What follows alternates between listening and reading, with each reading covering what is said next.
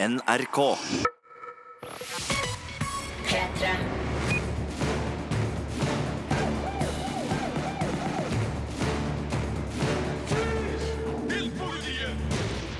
Hjertelig velkommen til en ny podkast fra Filmpolitiet. I dag med Birger Vestmo og Sigurd Vik. Og du, Sigurd, du har møtt litt av en stjerne fra TV-serieverdenen denne uka.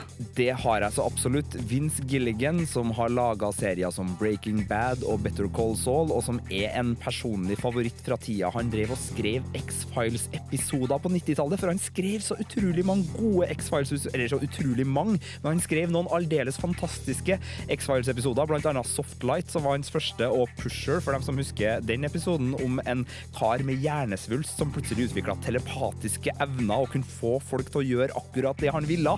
Akkurat sånn X-Files skulle være, Birger. Husker du det? Jeg husker X-Files eh, langt bak i eh, hjernen et sted. Jeg fikk i hvert fall snakka med Vince Gilligan om eh, spesielt da Breaking Bad, Walter White, men også om Game of Thrones og Christopher Hivju og litt forskjellige ting, så det skal vi selvfølgelig dele med dere i dag. Dessuten skal du fortelle om serier du har sett på nordiske seriedager, der Gilligan var gjest. Absolutt. Monster, ny NRK-serie som kommer. Uh, Grenseland kommer på TV2. Uh, en natt kommer på NRK. Og da, uh, for dem som digga Lillehammer, så kommer det en sak fra folkene der som heter Roeng, som også jeg har fått sett litt på. Men du har jo vært på kino, Birger? Ja, jeg har sett Kingsman The Golden Circle, film nummer to i serien som starta med Kingsman The Secret Service for litt over to år siden. Jeg har sett The Big Sick, en ny romantisk komedie fra Kumail Nanjiani. Jeg har òg sett Lego Ninjago-filmen, som er da en ny Lego-film. Sammen med det her skal vi innom et par nyheter som omhandler HBO, Han Solo og Turbinator, men nå først altså Vince Gilligan.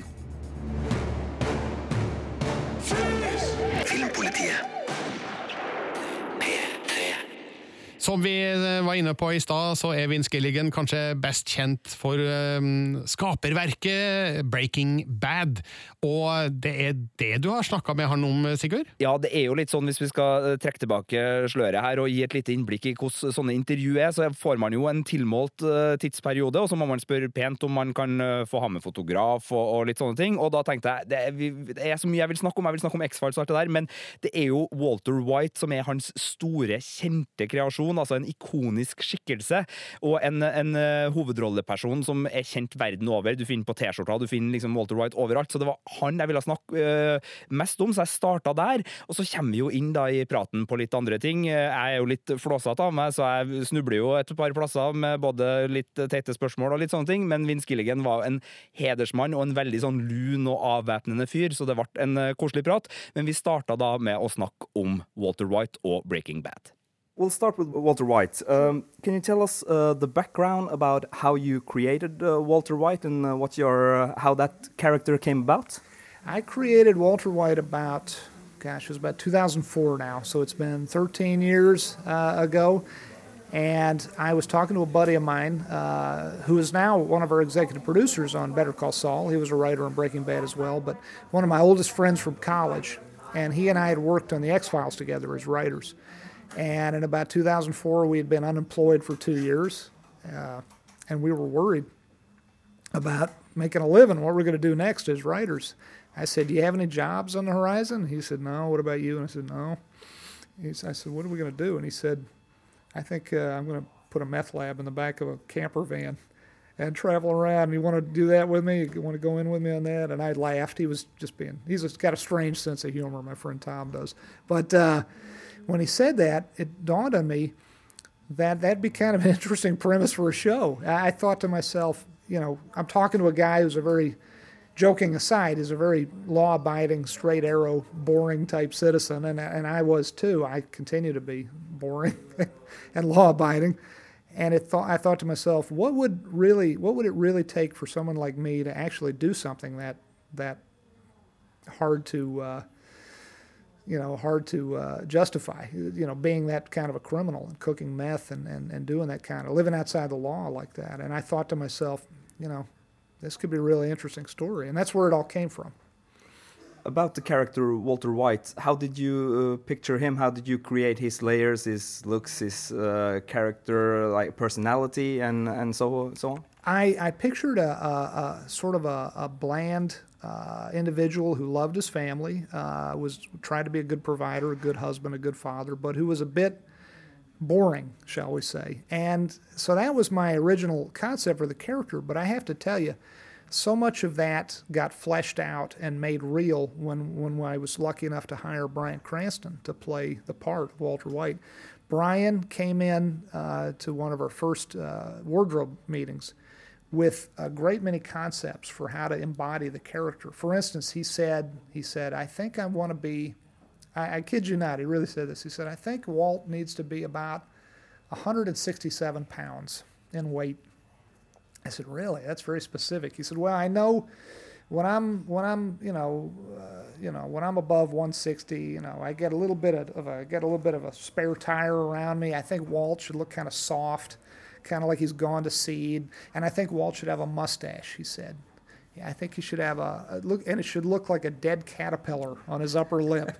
and we should we should we should have our hairstylist color it to make it pretty much match his skin tone. So you, it's just it's just this sad little mustache that that that doesn't really stand out. And and he had all these ideas. He had ideas about the way he would wear his hair, and and the character really started to come alive for me when I saw this wonderful work that he put into it uh, in preparation as an actor. So, the great thing about TV, I guess all, all the film mediums, but uh, you know movies as well, all these things, they're wonderful collaborative efforts, and and we we tend to subscribe. A lot of times we have this romantic theory that it's all the directors doing. You know, we we a lot of us subscribe to the auteur theory. And it's not really the case. You know, movies and TV shows are made by a great many people working together, and, and making you know adding value adding benefit to to the work at hand and and such that the sum of the work is greater than its uh, it's the work is greater than the sum of its parts and i love that uh, you're also the showrunner for this and the head writer for this uh, show. Uh, how has your relationship with Walter White developed as uh, he developed? It's funny. I felt very sympathetic toward Walter White when we started. And I worked hard in that very first episode to make the audience sympathetic toward him as well. I wanted the audience to feel like, you know, boy, this poor guy. He's, he's, he works hard. He tries to be a good dad, a good father.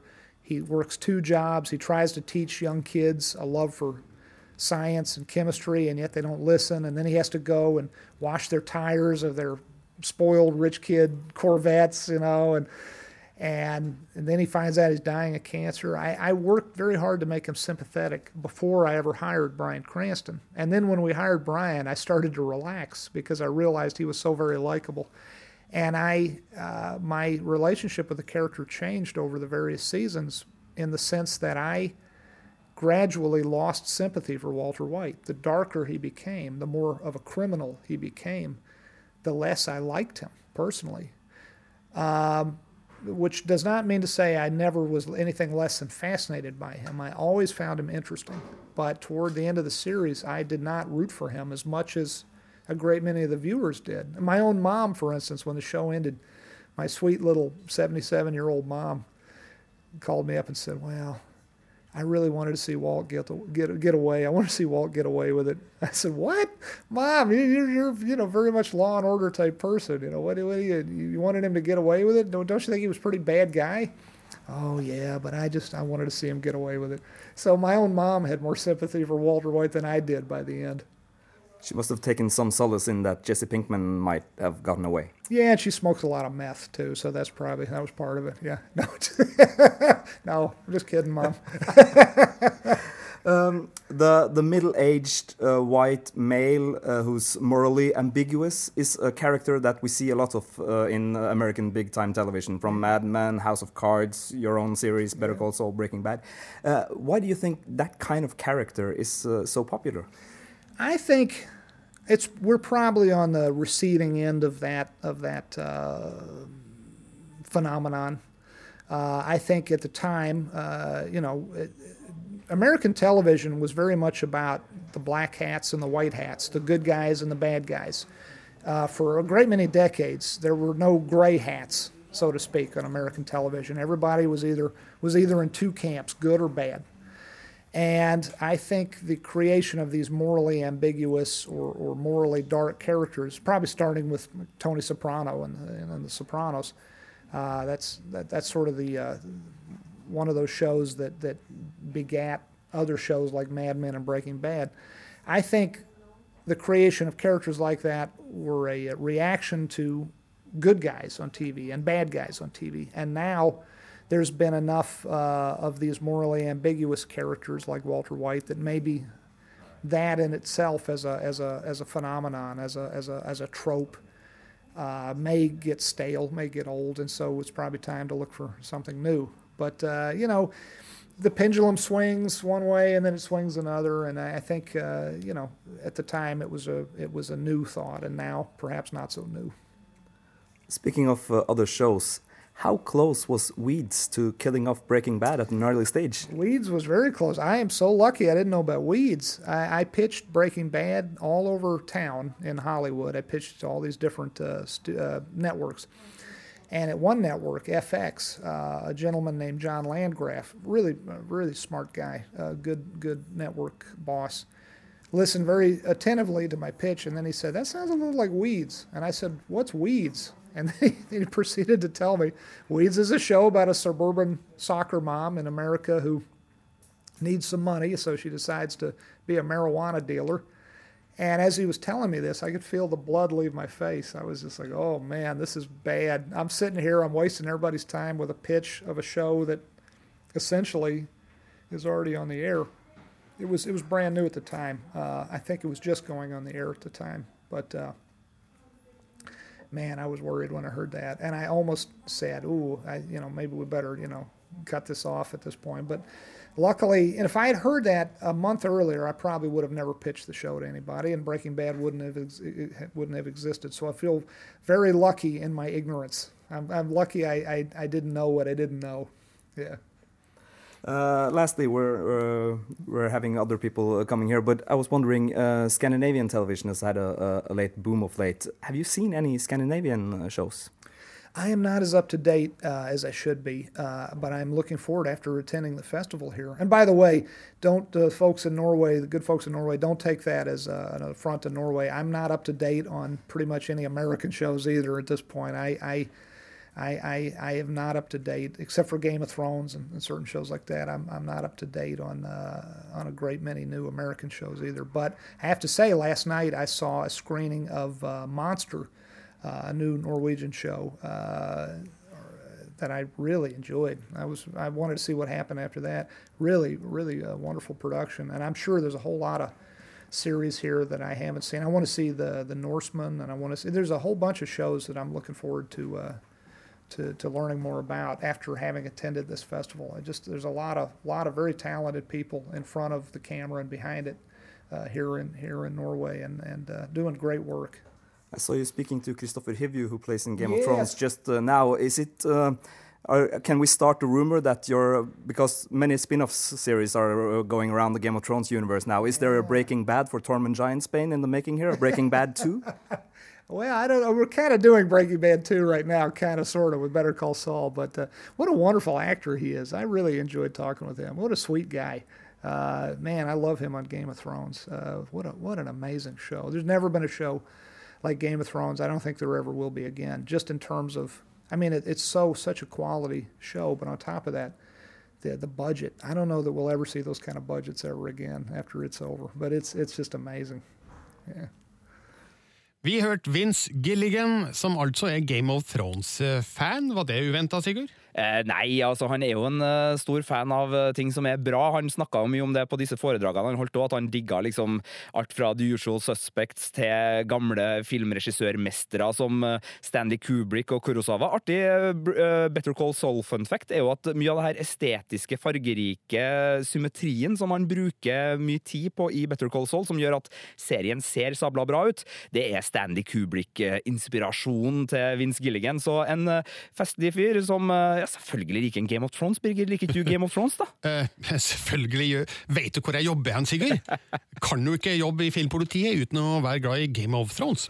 Eh, Vince Gilligan var gjest under nordiske seriedager i Oslo denne uka, som du var på, Sigurd, og vi skal høre mer derifra om litt. Men nå over til en av helgas premierefilmer, nemlig Kingsman The Golden Circle.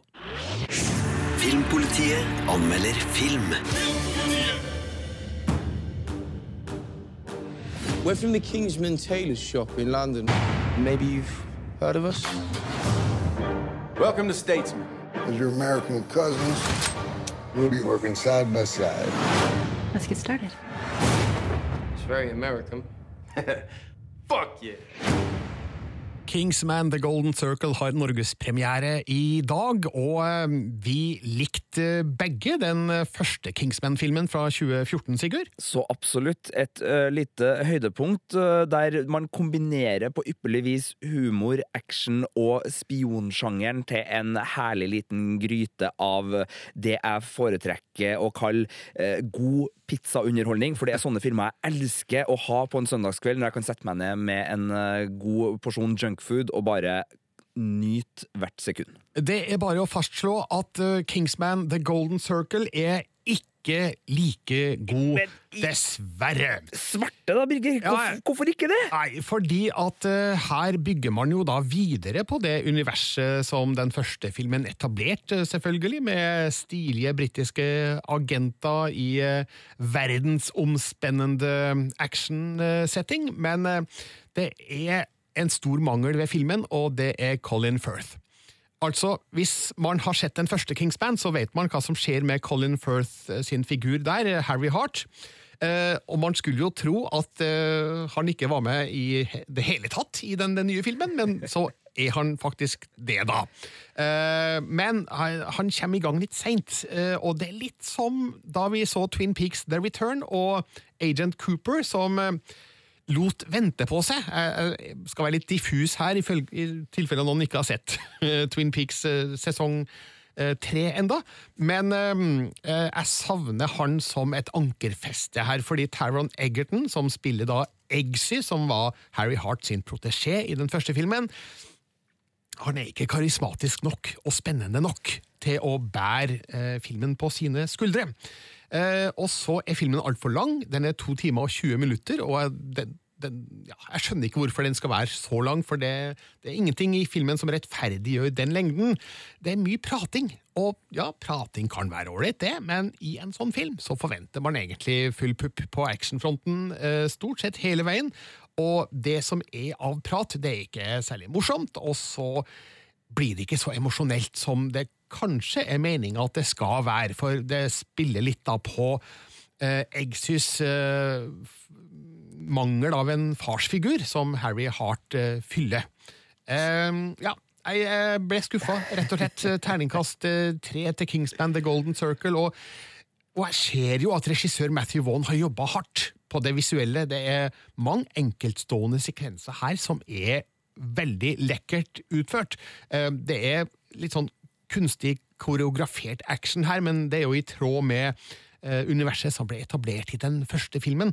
Men eh, nei, jeg, jeg fikk ikke noe fot for det. Men altså, jeg ser jo at det er Jeg, jeg kan skjønne at uh, hvis uh, Taron Egerton ikke klarer å, å holde det sammen, så har han jo allikevel fått liksom, Det er Pedro Pascal, kjent fra, som Javier Peña i Narcos. Det er Channing Tatum. Det er jo mange sånn uh, nesten leading men ved siden av en. Uh, Får noe hjelp? Det er helt riktig at det er mange kjente folk eh, der. Jeff Bridges også, og Halle Berry. Men problemet er at alle de her kjente filmstjernene får veldig lite å gjøre i filmen.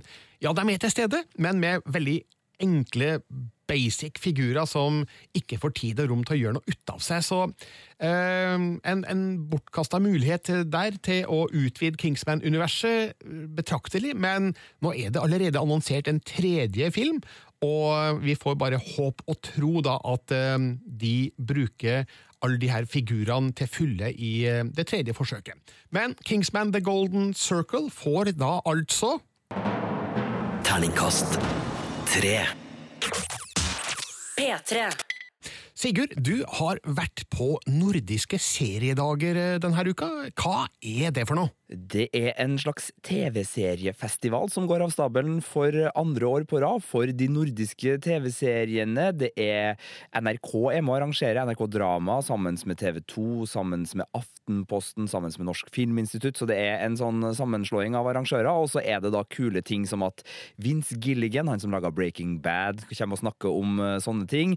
Det vises en del nye serier, og så er det også sånne panel der f.eks. Kristoffer Hivju sitter og snakker om sine favorittkarakterer eller rollefigurer på serier. Så en, litt som en filmfestival, bare litt kortere. Varer i to dager, midt i Oslo sentrum, og så med masse, masse seriesnadder for uh, nerdene. Du har jo møtt og intervjua Vince Gilligan, og det skal vi få høre mer om eh, litt seinere i dagens Filmpoliti.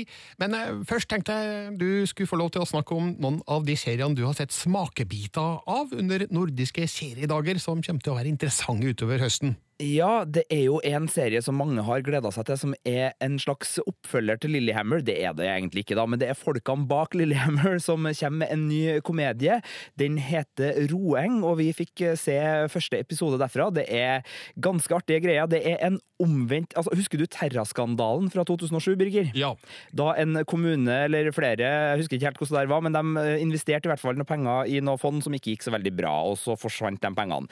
Det her er da en omvendt eh, terraskandale, hvor eh, en kommune har investert noen penger i noe fond, og så går det så altfor bra, så de har plutselig 4,5 milliard på bok, eh, og må finne måter å bruke det her på. Så en litt sånn lett forviklingskomedie med samfunnskritisk brodd, med flotte skuespillere i, i de sentrale rollene.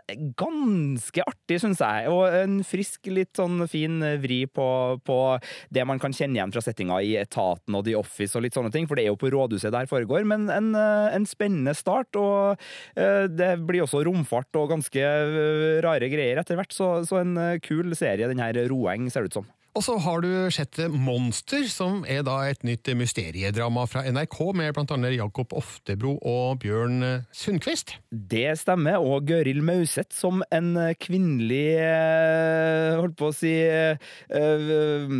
antagonist av typen vi vanligvis ser ganske barske menn spille. Hun er da et slags familieoverhode, en matriark på, på Finnmarksvidda, og en ganske kul rolle, så jeg likte å se Gøril Mauseth veldig veldig godt i, i, den rollen. Minner litt om Justified, for dem som så den. Og hun som leda Bennett-klanen. Eh, en litt obskur referanse der. Men det her er i hvert fall uh, veldig norsk storproduksjon, med en veldig tydelig smak av Twin Peaks og litt sånn klassiske eh, mordmysterier med religiøse og mystiske overtoner. Foregår da i litt sånn lukka miljø på, i, i Finnmark, det her. Og så følger vi da de som etterforsker, vi følger de som er involvert i, i kriminelle aktiviteter på plassen, og prøver da å nøste opp i det her drapsmysteriet som det etter hvert eh, blir.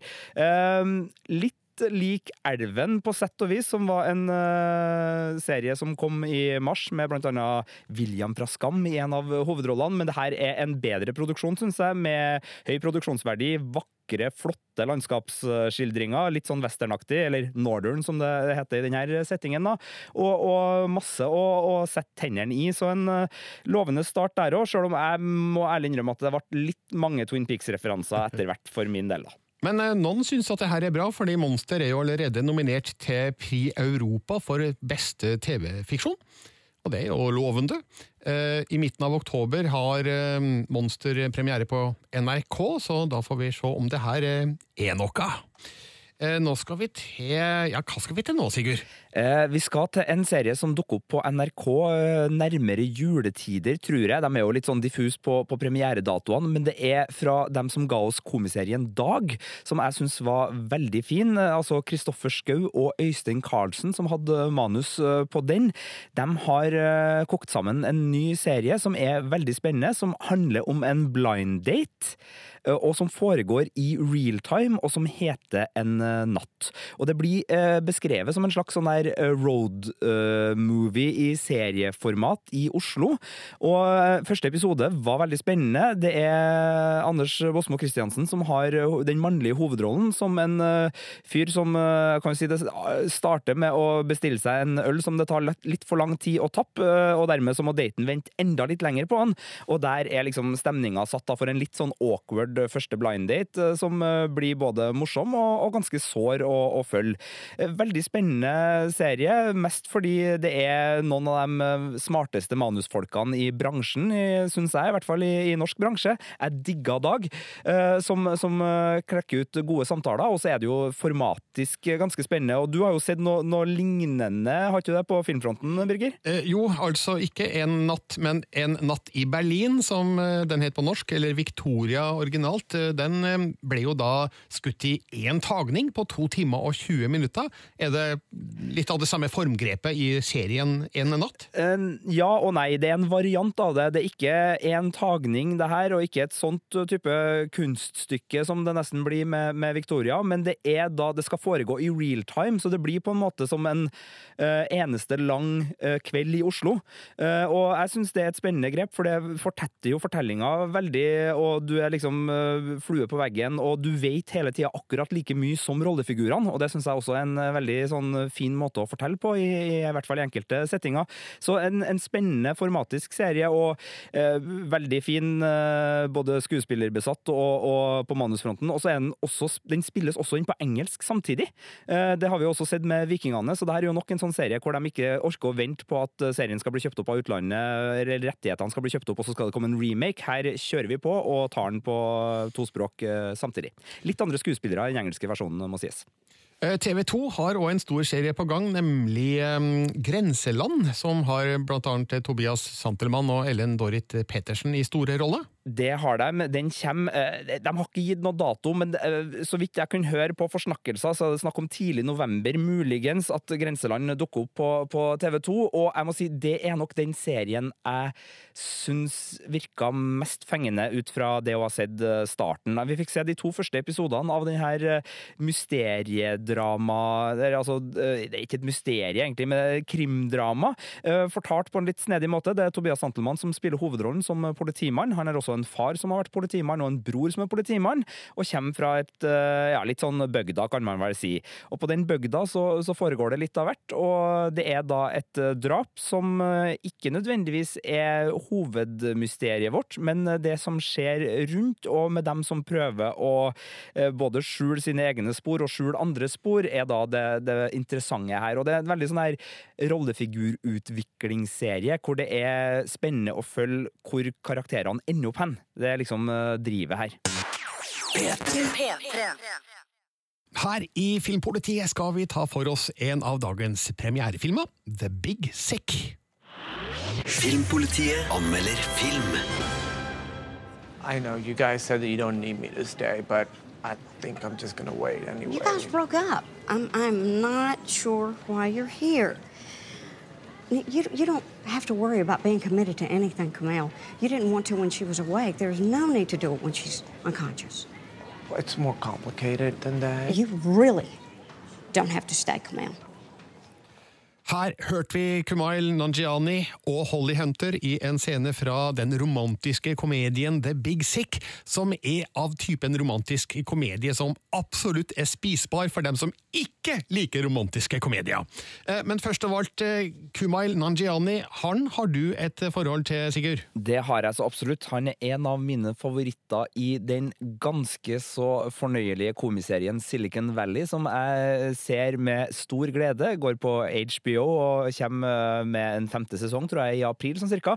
Og spesielt samspillet han har med Martin Starr, som da er kjent blant annet fra Død snø 2 og, og uh, Freaks and Geeks, er helt nydelig. Han har jo sånn her kjeklete underdog-kjemi der som er noe av det beste, så jeg har veldig sansen for Kumail og gleder meg til å se den filmen her, uavhengig av hva du nå skal si om den, Birger. Men, men få høre, da. Hvordan er den? jeg skal si bare positive ting om The Big Sick. Eh, Det som er litt spesielt her, er at eh, Kumail Nanjiani spiller seg sjøl i en eh, sjølopplevd eh, historie.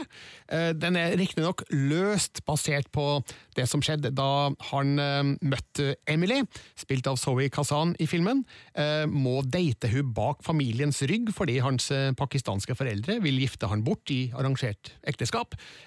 Og så blir Emily sjuk, havner på sykehus, blir lagt i kunstig koma, og så må han plutselig forholde seg til hennes eh, foreldre, spilt av Holly Hunter og Ray Romano, som ikke er ja, de er ikke så imøtekommende da i startfasen, spesielt fordi eh, forholdet mellom Kumail og Emily har egentlig tatt slutt rett før hun ble sjuk.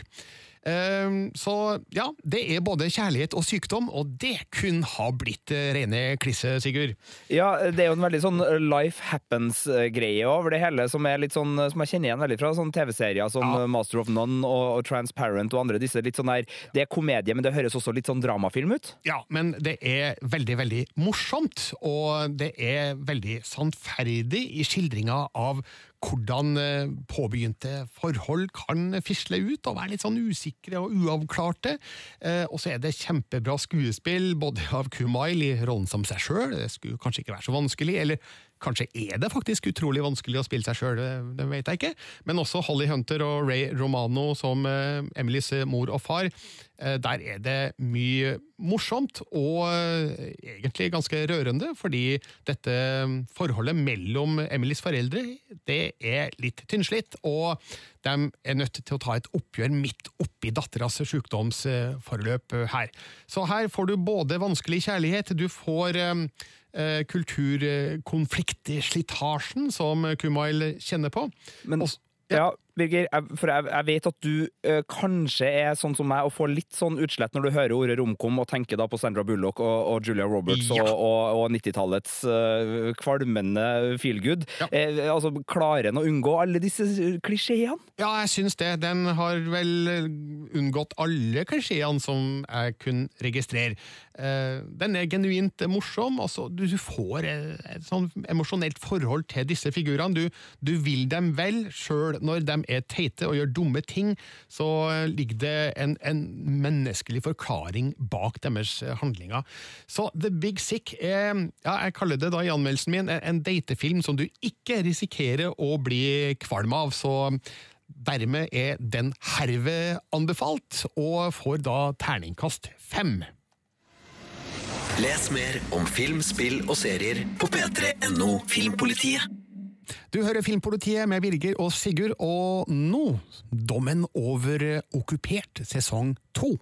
Filmpolitiet anmelder TV-serie. Det er ikke alle russere som er mordere. Jeg må fortsette å holde liv i Maja Maja. Jeg har blitt spurt om å bli statsminister. Du kommer til å bli spist opp som en liten mus. We are here to protect you. Sigurd, for dem som ikke så Okkupert sesong én, hva var det? Eh, Det her er en TV-serie basert på en idé av ø, selveste Jo Nesbø, som tar for seg et tankeeksperiment hvor Russland ø, okkuperer Norge ø, på en måte, en litt sånn snill okkupasjon, med EU-støtte, fordi Norge har blitt så miljøvennlig at vi har tenkt å stoppe med petroleumsutvinning. Eh, Og det er jo litt sånn krise for de som har makt, og som har makta si fordi de har økonomien i, i oljepenger, og det blir jo liksom storstans på, på bilmarkedet og alt det der. Så Europa reagerer rett og slett med å, å ta makta fra Norge, når Norge som oljenasjon stenger kranene og ønsker å gå mer miljøvennlig til verks. Det er premisset, og det er et veldig artig og, og spennende premiss. Og så ble første sesong da en litt sånn stereotypisk runde hvor russerne ble veldig skurk, og motstandsfolk som da motsatte seg denne inf- okkupasjonen, ble veldig sånn andre verdenskrig, gutta på skauen-ish. Men det funka egentlig ganske bra likevel. Vi ga terningkast fire her. Mottakelsen Mottagelsen i Norge var litt sånn blanda, men internasjonalt så har Okkupert eh, fått en ganske godt rykte som en god politisk thriller og actionserie. da. Eh, det var TV 2 som hadde sesong én. Eh, nå er det Viaplay som har tatt over og laga sesong to, så den har skifta og, og får da premiere der neste fredag. Og jeg har da fått sett de fire første episodene nå av eh, sesong to. Ok, give me the lowdown. Hvordan eh, funker det i fortsettelsen? Det fortsetter i, i samme tralten. Altså, det her er en serie som uh, igjen ikke går for å gi miljøskildringer og troverdighet til det her tankeeksperimentet i veldig stor grad. Det er en serie som går for spenningsunderholdninga. Det er en politisk actionthriller som låner mye fra actionfilmer. Altså, her finner man flere liksom, tråder man kan trekke tilbake til 90-tallet, og filmer som Jaget og, og litt sånn 24 med Jack Bauer på, på noen, i, i, i mildere grad, vel å merke, men man har litt det biten.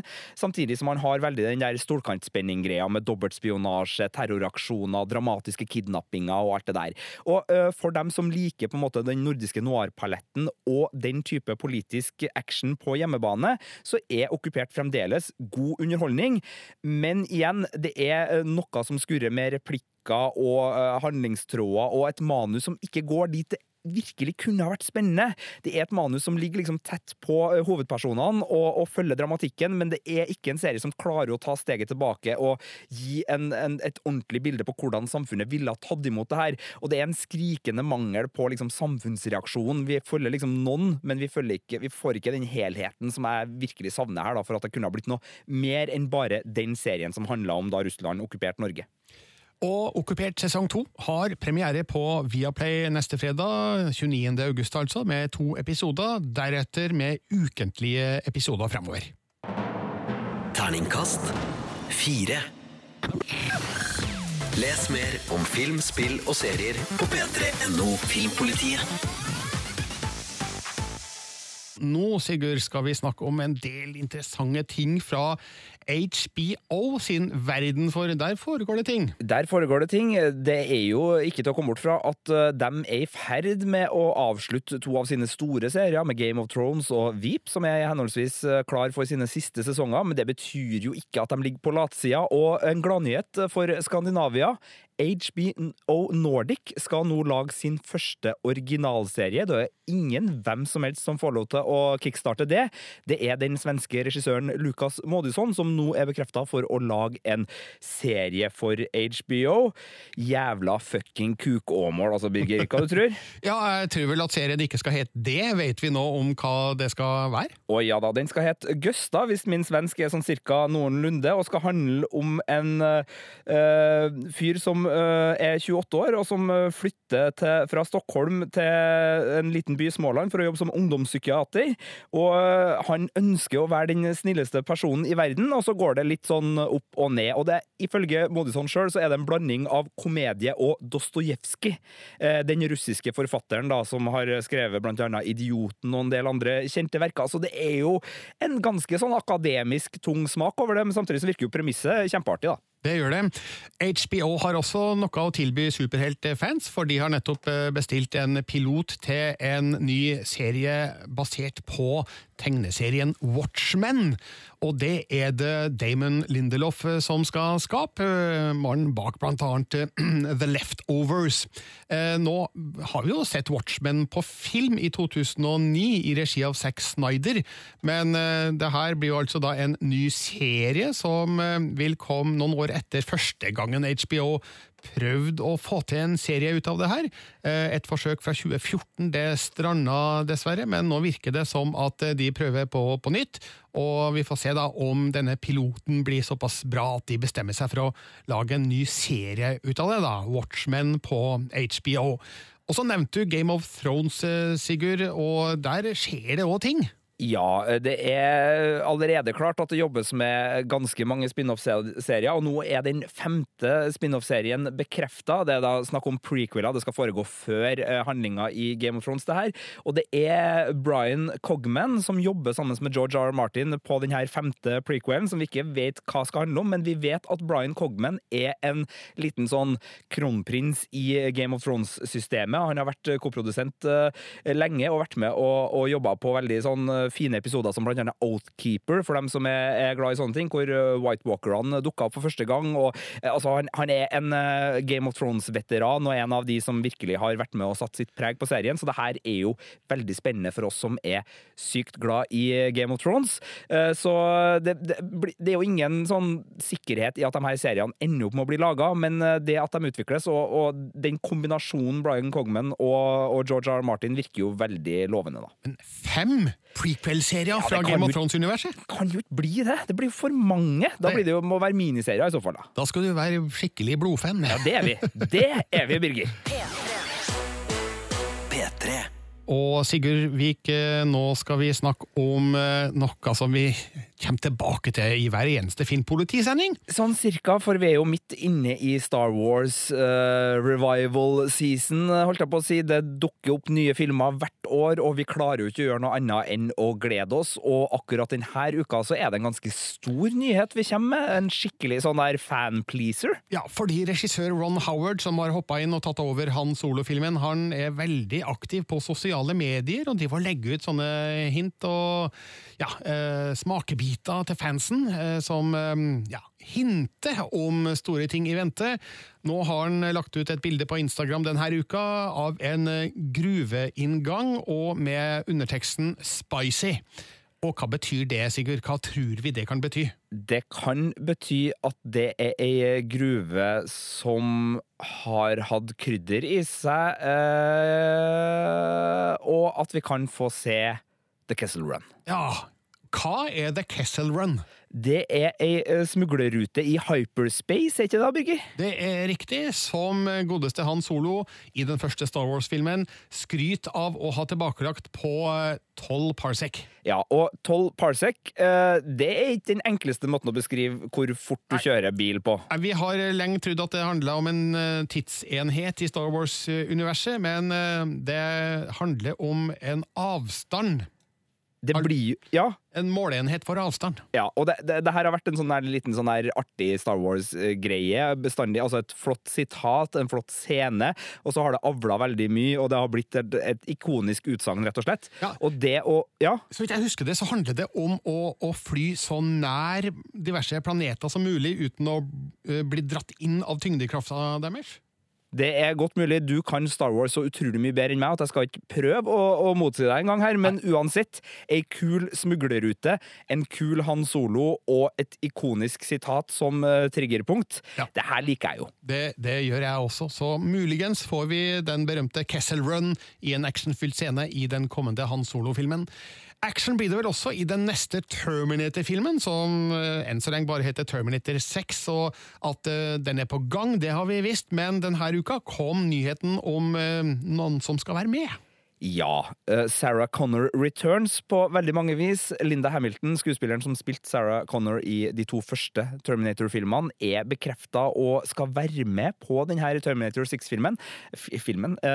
Og det er også James Cameron på sett og vis gjennom produsentrolle, og det er også Arnold Schwarzenegger, så da har man for første gang siden ja, det blir vel 91 da, Birger? Ja, det blir faktisk det alle tre eh, tilbake i en Terminator-film. Og det er jo kjempeartig, bortsett fra at jeg får bare vondt i hodet når jeg prøver å tenke på hvor i all verden er vi igjen i Terminator-universet ja, nå? Ja, nei, hva skjedde egentlig i den forrige Terminator Genesis? Der gikk de jo tilbake til starten av den første filmen og endra alt. Sånn at de, de filmene mellom da og nå spiller egentlig ingen rolle, fordi det har ikke skjedd. Eh, så så vi jo at Sarah Connor var selvfølgelig da veldig til stede i eh, Terminator Genesis, men da spilt av Deneris Targaryen. Oh. Hun heter jo ikke det, da, men Nei. jeg bare sier den Deneris ja, Det er helt i orden, Danny ja. Short og Emilia Clark, men uh, det, det, det er litt ut i det blå hvordan Linda Hamilton skal komme inn som den gamle Sarah Connor her, da, for nå er jo Linda Hamilton 60 år.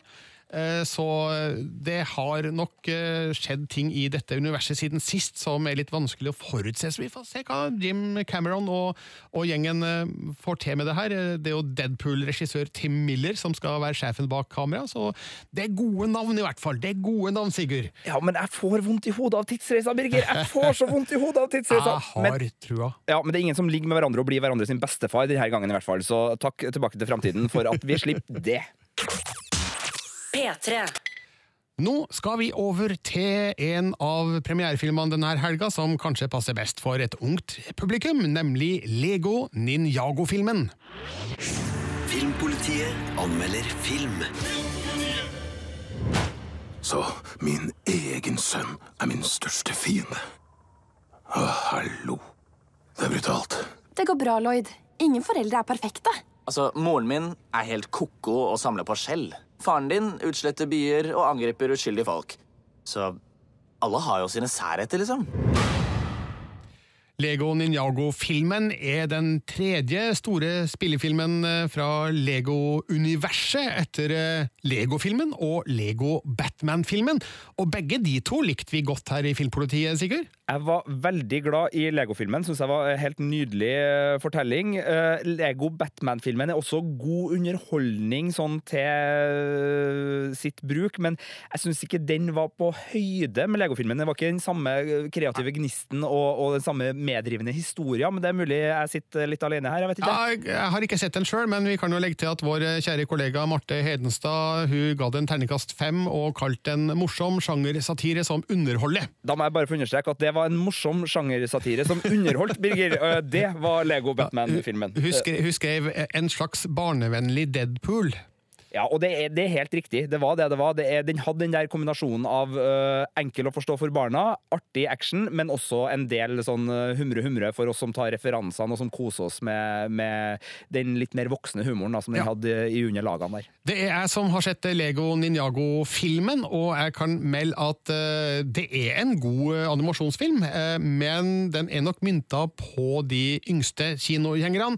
Ikke så mye vi som har hår på kroppen, eh, fordi Ninjago-konseptet det er jo forholdsvis nytt. Det ble lansert i 2011. Og eh, ja, dermed så er det jo ikke så veldig mange over eh, 20 da, som har noe spesielt forhold til Ninjago. Det er vel kanskje det som er årsaken til at uh, historien og humoren kanskje passer best for de små, men den er tolererbar å se, altså for de uh, eldre som kanskje er nødt til å være med en eh, lillebror eller lillesøster eller unge. For det er fart over eventyret, det er, det er en del humor der òg som funker bra på tvers av aldersgapene. Eh, Det er jo også da Phil Lord og Chris Miller som er mm, to av produsentene bak, eh, de som hadde regien på den første Lego-filmen. Og som fikk sparken øh, fra Star Wars. De gjorde det. det. Det kommer til å henge ved dem en stund, tror jeg, dessverre. Det gjør det, fordi sånne som meg driver og pirker borti det og, og, og minner folk på det. Men apropos Star Wars, fordi når det gjelder handlinga her, så ser jeg at din overskrift på, på anmeldelsen 'trues av slem far', og der har man jo noe Darth Vader-vibber. Så, så hva, hva er det som skjer her? Ja, altså, vi møter jo da Lloyd, som sammen med fem andre Ninjago-krigere kjemper mot Garmadon, som er da den store slemme. Men eh, det er jo da eh, slik at Lloyd er Garmadons sønn. Eh, De har ikke hatt noe særlig kontakt, og Lloyd har et farskompleks som gjør ting vanskelig. Han, han vil jo egentlig ha kontakt med far sin, men den de befinner seg på hver sin side av eh, loven, eh, kan du si. og eh, virker ikke som eh, Garmadon har noe spesiell eh, stor interesse for å ha kontakt med Lloyd. Eh, Før det skjer ting her da som gjør at eh, de faktisk er nødt til å samarbeide, og Lloyd eh, ser muligheten til å eh, komme nærmere far sin. Skal ikke avsløre hvordan det her går, men eh, klart, det legges opp til en del eh, problematikk her som man kan ha det litt moro med.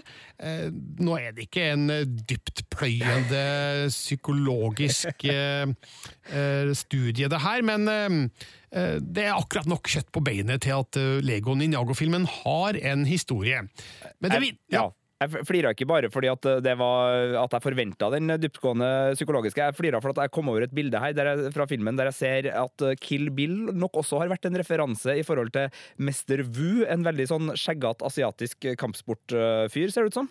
Ja, det kan tenkes at det er noen referanser der ja, som Kill Bill-fansen vil kunne gjenkjenne. Eh, Nå skal det også sies at eh, det er en sånn eh, live action-start på filmen, der vi får se selveste Jackie Chan. Kung fu-mesteren over alle, egentlig, bortsett fra Ja, det er vel kanskje han eh, Bruce Lee da, som konkurrenten her, men nå, nå er Jackie Chan en litt annen type skuespiller, da. Den artigste kung fu-skuespilleren. Artigste kung fu-skuespilleren, og han har eh, tilløp til komikk her òg. Men det starter i den virkelige verden, og så går vi da inn i et Lego-univers ganske kjapt. Men så er det fremdeles Jackie Chan som er den originale stemmen til Mester Wu. Nå vet jeg ikke, jeg, jeg tror ikke den originalversjonen vises på kino i Norge, så her får du en norskdubba versjon som er helt ålreit. Men uh, Jackie Chan setter altså sitt uh, preg på, på filmen, i hvert fall i starten, og også i slutten, kan jeg avsløre. Uh, så der får vi da knytta bånd til den østasiatiske kampsporttradisjonen som, som Lego Ninjago-filmen prøver å tilnærme seg.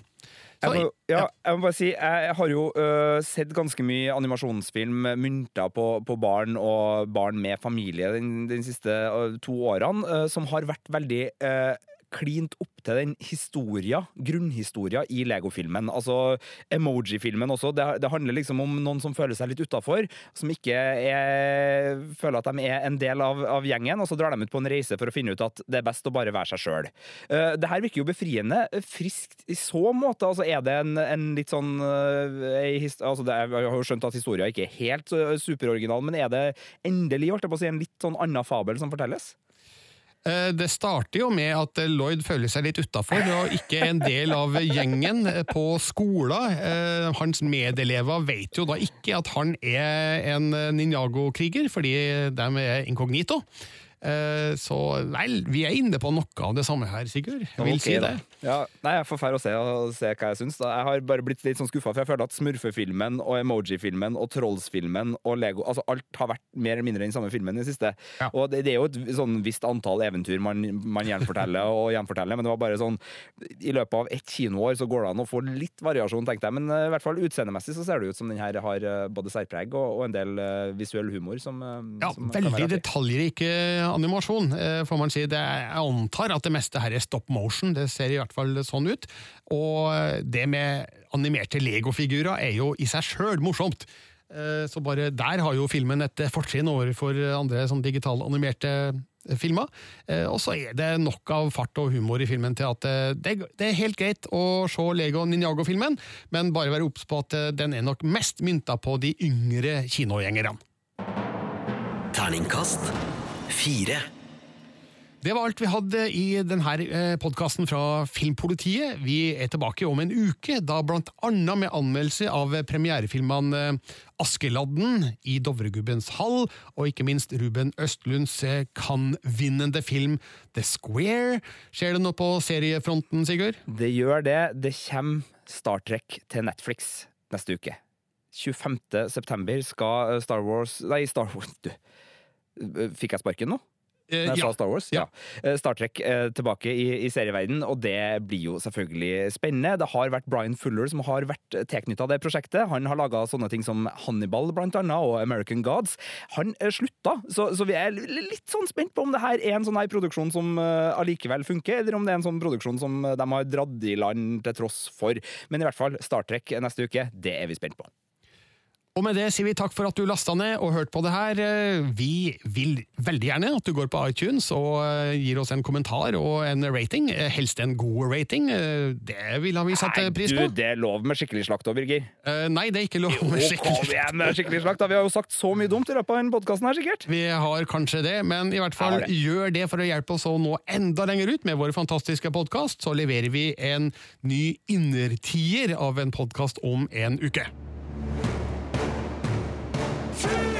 Filmpolitiet. P3. Du finner flere podkaster på p3.no podkast.